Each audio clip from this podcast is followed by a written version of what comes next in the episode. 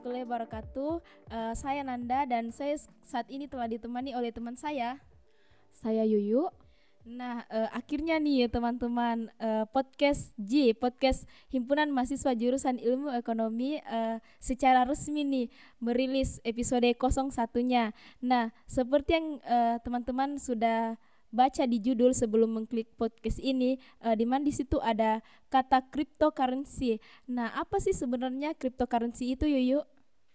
Oke, uh, jadi di episode pertama kali ini kita akan membahas mengenai cryptocurrency.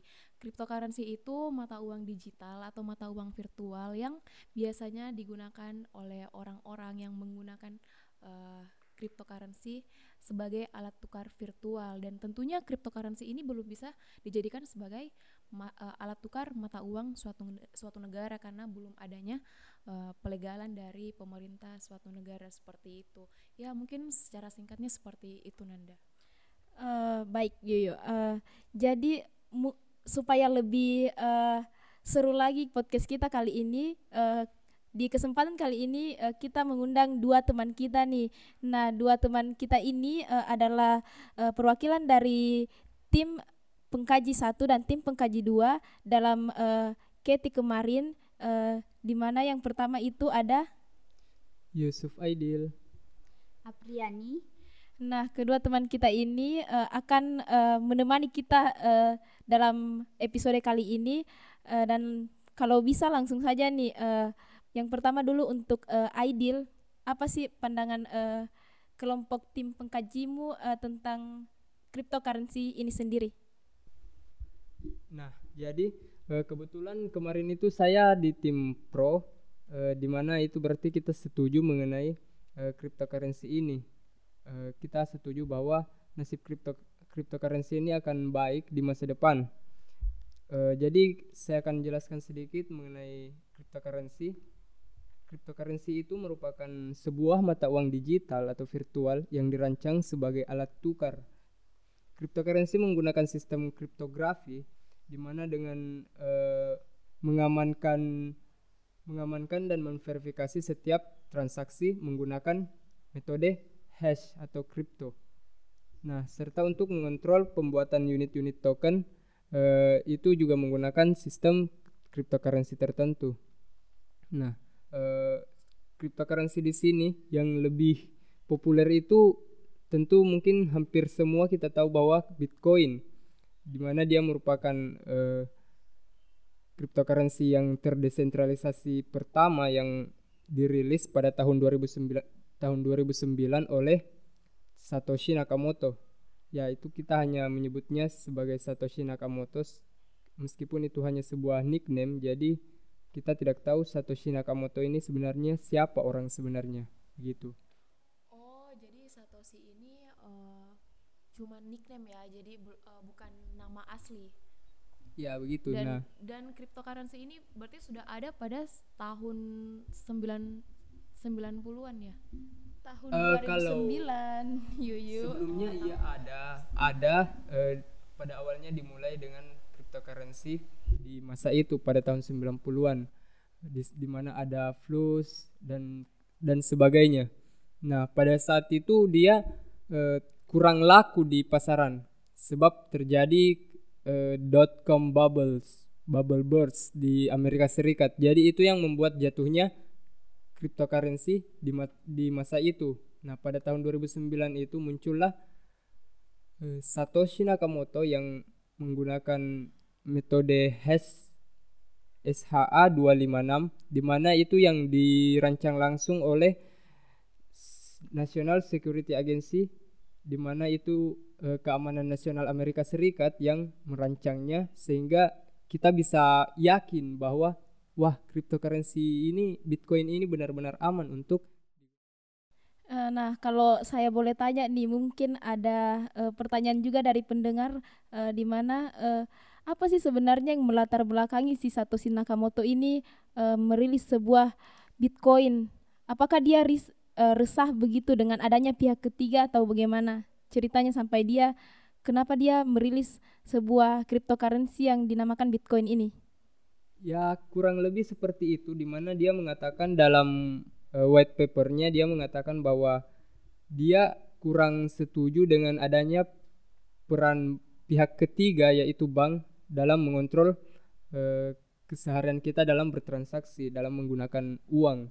Jadi dia ingin menghilangkan eh, berbagai in- intervensi bank eh, dalam eh, menyus mengelola keuangan dalam suatu negara. Jadi dengan tanpa tanpa bank dia bisa menggunakan sistem pembayaran yang aman. Dia ingin menggunakannya dengan sistem matematis. Jadi untuk meng, jadi keamanan terhadap Bitcoin ini dilindungi oleh uh, fungsi matematis yang sangat sulit untuk dipecahkan.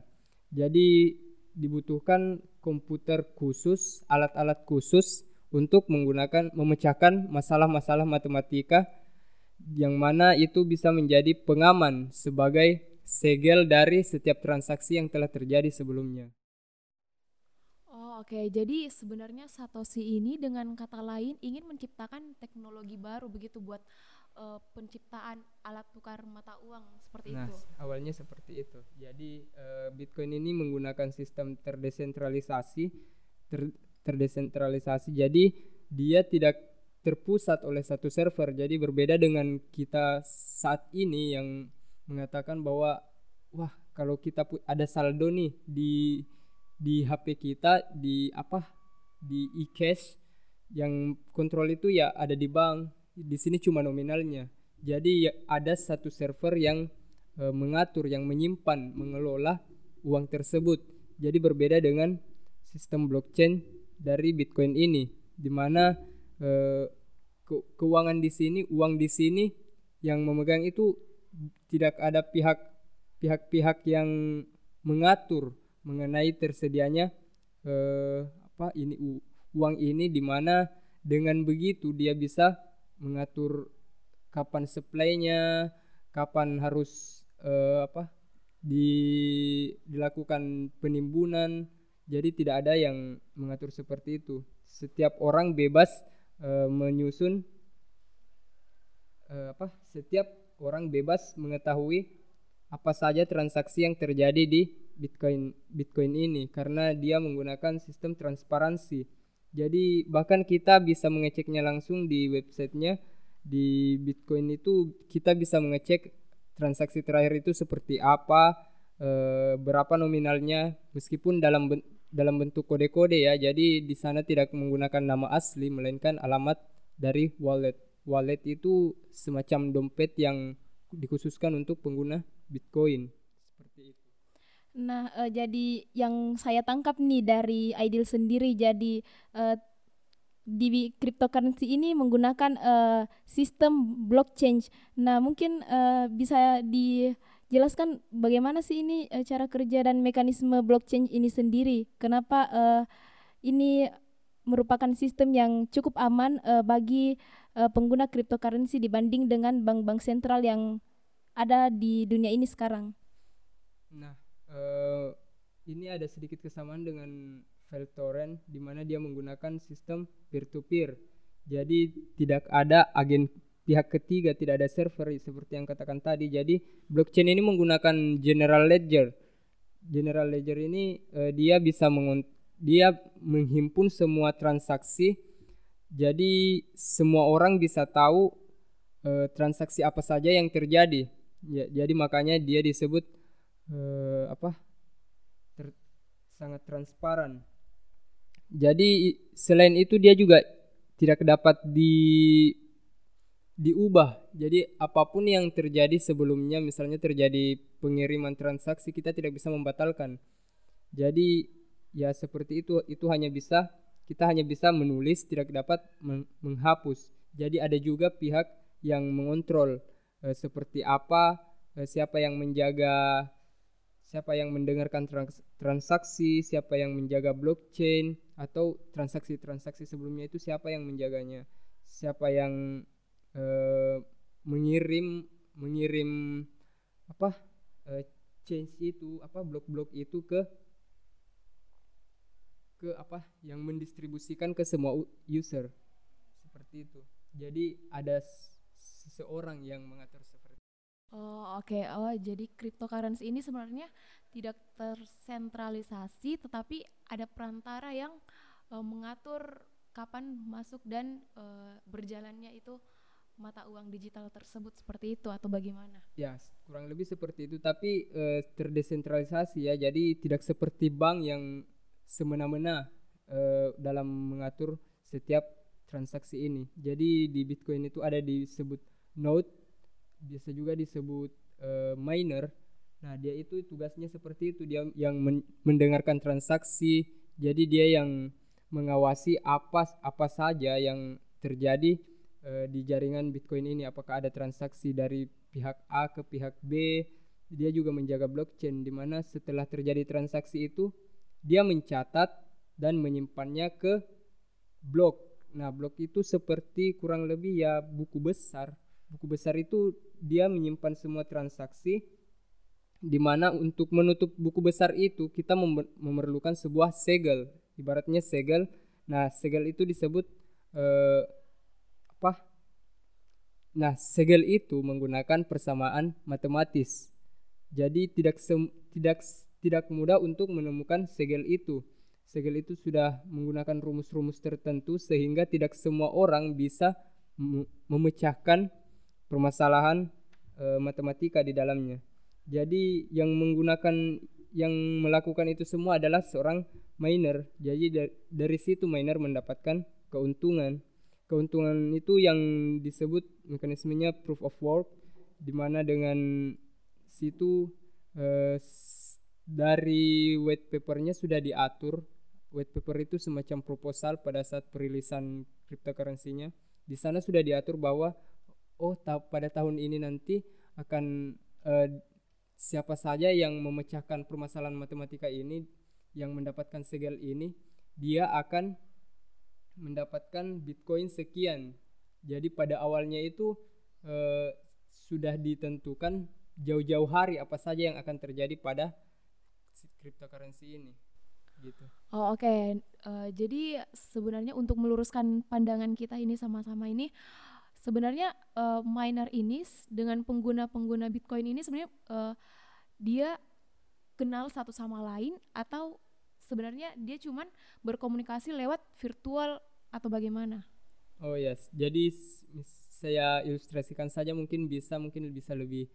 Nah jadi gini, uh, itu ibaratnya kayak kita tergabung dalam satu grup WhatsApp, terus uh, tugas kita ya begitu mencatat setiap transaksi. Jadi misalnya saya mengatakan, wah, hey hari ini A mengirim uang ya ke B, totalnya itu uh, ribu. Nah terus terus kalian semua mengatakan oh iya iya iya saya catat saya catat saya catat nah jadi kalian semua kita semua itu tahu bahwa terjadi transaksi pada saat itu jadi semua miner saling berkoordinasi mengenai uh, oh iya ini segel yang benar oh ini segelnya salah jadi seperti itu. Nah, jadi istilahnya uh, si blockchain ini yang berpengaruh penting nih dalam uh, kinerja miners di mana uh, setiap pencatatan itu istilahnya secara sederhananya lah terkopi ke semua orang yang ada dalam jaringan tersebut seperti itu ya. Nah, ya seperti itulah sistem blockchain. Jadi di mana uh, miner memverifikasi setiap uh, transaksi. Jadi setelah dia memverifikasi dia menyegel kemudian mengabarkan ke miner-miner lain bahwa saya sudah memecahkan permasalahan matematis ini. Oh, oke, okay. jadi seperti itu ya. Untuk lebih singkatnya mungkin uh, bisa ndak uh, Aidil ini menjelaskan gimana sih cryptocurrency ini di Indonesia untuk pandangan umumnya Aidil saja seperti apa? Nah, menurut saya cryptocurrency di Indonesia ini sudah apa ya? sudah sedikit ada jalan lah karena uh, kita beberapa kali mendengar kabar bahwa uh, di Indonesia itu sudah tidak diilegalkan apa sudah tidak dileg apa dilegalkan dilegalkan uh. nah jadi maksudnya bukan melegalkan sebagai alat transaksi sehari-hari bukan seperti itu tapi uh, kita boleh menyimpan Bitcoin untuk uh, apa berspekulan. ah begitu. Yeah. jadi uh, kita bisa menggunakan Bitcoin itu masih apa bukan hal yang salah gitu. Jadi ya semoga ke depannya sih bakal lebih baik ya. Oh, berarti di masa depan mungkin bisa uh, Bitcoin ini ditukarkan dengan uh, alat tukar seperti mata uang satu negara seperti rupiah mungkin atau tetap menjadi Bitcoin seperti pada awalnya atau bagaimana? Uh, ya, uh, tidak saya nggak saya tidak minta harus seperti itu sih karena uh, ya nggak apa-apa lah alternatif. Jadi ya pemerintah cukup melegalkan melegalkan dalam artian tidak kita tidak harus menggunakannya tapi kita boleh menggunakannya sebagai alat transaksi jadi misalnya kita e, membeli barang di luar sana di luar negeri kita bisa menggunakan bitcoin itu seperti itu oh, oke okay, jadi itu tadi penjelasan singkat dari Ideal yang kemarin tim Ketinya pro ke cryptocurrency nah sekarang kita coba uh, dengar dari tim kontra nih uh, di sini tim kontra sudah ada saudari Apriani. Halo Apriani. Halo. Oke. Mungkin Apriani bisa memperkenalkan diri dulu secara singkat. Ya, nama saya Apriani. Kemarin uh, saya sebagai tim kontra pada uh, diskusi Keti. Oke, tadi kita udah dengar dari tim pro. Nah, sekarang buat Apriani, gimana ceritanya nih? Kok tim kalian bisa kontra? Apakah kripto ini merugikan individu atau negara atau bagaimana atau tim kalian mempunyai pandangan khusus kok bisa uh, kontra ke cryptocurrency ini atau cryptocurrency ini mempunyai kekurangan-kekurangan yang mungkin merugikan banyak pihak atau mungkin terkhususnya buat negara atau seperti apa? Nah, di sini uh, kan uh, masyarakat masyarakat itu belum belum tentu tahu uh, mengenai bagaimana sistem kerja dari cryptocurrency ini. Nah, karena uh, masyarakat itu belum tahu tentang sistem kerjanya, uh, otomatis mereka takut untuk uh, melakukan transaksi di cryptocurrency ini. Nah, uh, bukan cuma rasa takut dan tidak tahu itu, eh, pasti orang-orang uh, ingin uh, mempertahankan uh, proteksi mata uang nasional mereka. Dan di sini uh, seperti dari pembahasan dari saudara Aidil tadi yang mengatakan bahwa Bitcoin itu adalah uh, sistem pembayaran peer to peer yang terdesentralisasi tanpa adanya otoritas pusat. Nah, karena tidak tidak adanya otoritas pusat itu, maka pemerintah takut menggunakan uh, cryptocurrency ini. Uh, nah, mungkin uh, Apri bisa menjelaskan uh, bagaimana sih uh, cryptocurrency di negara-negara uh, berkembang seperti Indonesia ataupun negara berkembang lainnya. Nah, di sini uh, negara berkembang seperti di India itu kebanyakan masyarakat di sana belum memiliki akun bank untuk uh, melakukan tabungan. Uh, dan ada beberapa masalah yang dihadapi oleh masyarakat India terkait cryptocurrency ini. Yang pertama itu uh, penggunaan cryptocurrency dilarang oleh RBI atau Reserve Bank of India. Nah, RBI ini menegaskan bahwa mereka melarang adanya bisnis yang berhubungan dengan mata uang virtual. Dan kedua itu uh, Perdana Menteri mengatakan bahwa walaupun masyarakat mereka di sana memiliki antusias yang tinggi terhadap terhadap teknologi blockchain, uh, mereka tetap tidak menyukai yang namanya virtual currency. Uh, dan uh, berdasarkan uh, per pernyataan-pernyataan tadi kita uh, bisa uh, melihat bahwa India ini khawatir tentang adanya consumer protection, market integrity dan money laundry. Nah, uh, di sini uh, consumer pro protection itu adalah uh, di mana setiap konsumen atau orang-orang yang melakukan bisnis mata uang virtual harus mendapatkan proteksi melalui regulasi-regulasi yang jelas. Nah, kemudian uh, di market market integrity itu terdiri uh, dari tiga bagian seperti uh, memastikan semua stakeholder dapat mengakses dan mengetahui informasi di dalam pasar. Kemudian uh, meningkatkan efisiensi pasar dan uh, menjauhkan market dari risiko sistem. Nah, dari ketiga bagian tersebut uh, bahwa uh, cryptocurrency tidak menjamin adanya keamanan dalam melakukan traks eh, dalam melakukan transaksinya. Terlebih lagi, masyarakat uh, pasti memiliki informasi yang berbeda-beda terhadap cryptocurrency sehingga terjadi asymmetric information. Uh, ditambah lagi adanya risiko sistem yang tidak menjamin keamanan keuangan para konsumen. Uh, itu kan tadi dijelaskan di India. Nah, bagaimana uh, di Indonesia sendiri nih? Uh, ketidaklegalan cryptocurrency ini. Uh, apa penyebabnya dan mungkin uh, bisa dijelaskan oleh Apri bagaimana? Nah, uh, di Indonesia itu tidak dilegalkan dan hal ini uh, dipertegas dari Bank Indonesia yang menyatakan bahwa uh, penggunaan cryptocurrency itu dilarang di Indonesia. Ada beberapa alasan kenapa Bank Indonesia menyatakan hal tersebut. Nah, di antaranya itu seperti cryptocurrency tidak diakui di Indonesia. Sama halnya seperti uh, India, Indonesia memperlakukan peraturan yang sama yaitu mengakui penggunaan cryptocurrency di negaranya sendiri dan uh, tidak bisa digunakan untuk melakukan pembayaran. Nah, oleh uh, karena tidak diakui mata uang virtual ini, maka virtual uh, currency tidak bisa digunakan untuk melakukan pembelian atau transaksi suatu barang karena dianggap tidak sah. Dan cryptocurrency ini uh, itu berisiko seperti tidak ada otoritas yang bertanggung jawab dan tidak ada administrator yang resmi. Oh, jadi sebenarnya uh, cryptocurrency ini juga mempunyai banyak uh, banyak kekurangan ya, guys. Di setelah yang tadi sudah dijelaskan oleh saudara Aidil dengan berbagai kelebihan-kelebihan dari cryptocurrency ini juga tentunya mempunyai kekurangan. Nah, seperti uh, penjelasan dari saudari Apriani tadi. Oke, kira-kira menurut kalian nih, kalian pro atau kontra ke cryptocurrency ini? Sebenarnya agak susah memilih pro atau kontranya karena di satu sisi cryptocurrency ini memberikan profit yang besar dan memberikan teknologi baru. Tapi di sisi lain juga bisa merugikan para penggunanya seperti itu. Tapi ya sebaiknya sebelum kita jadi pengguna, mending kita pelajarin dulu ikut sosialisasi biar gak salah jalur guys seperti itu.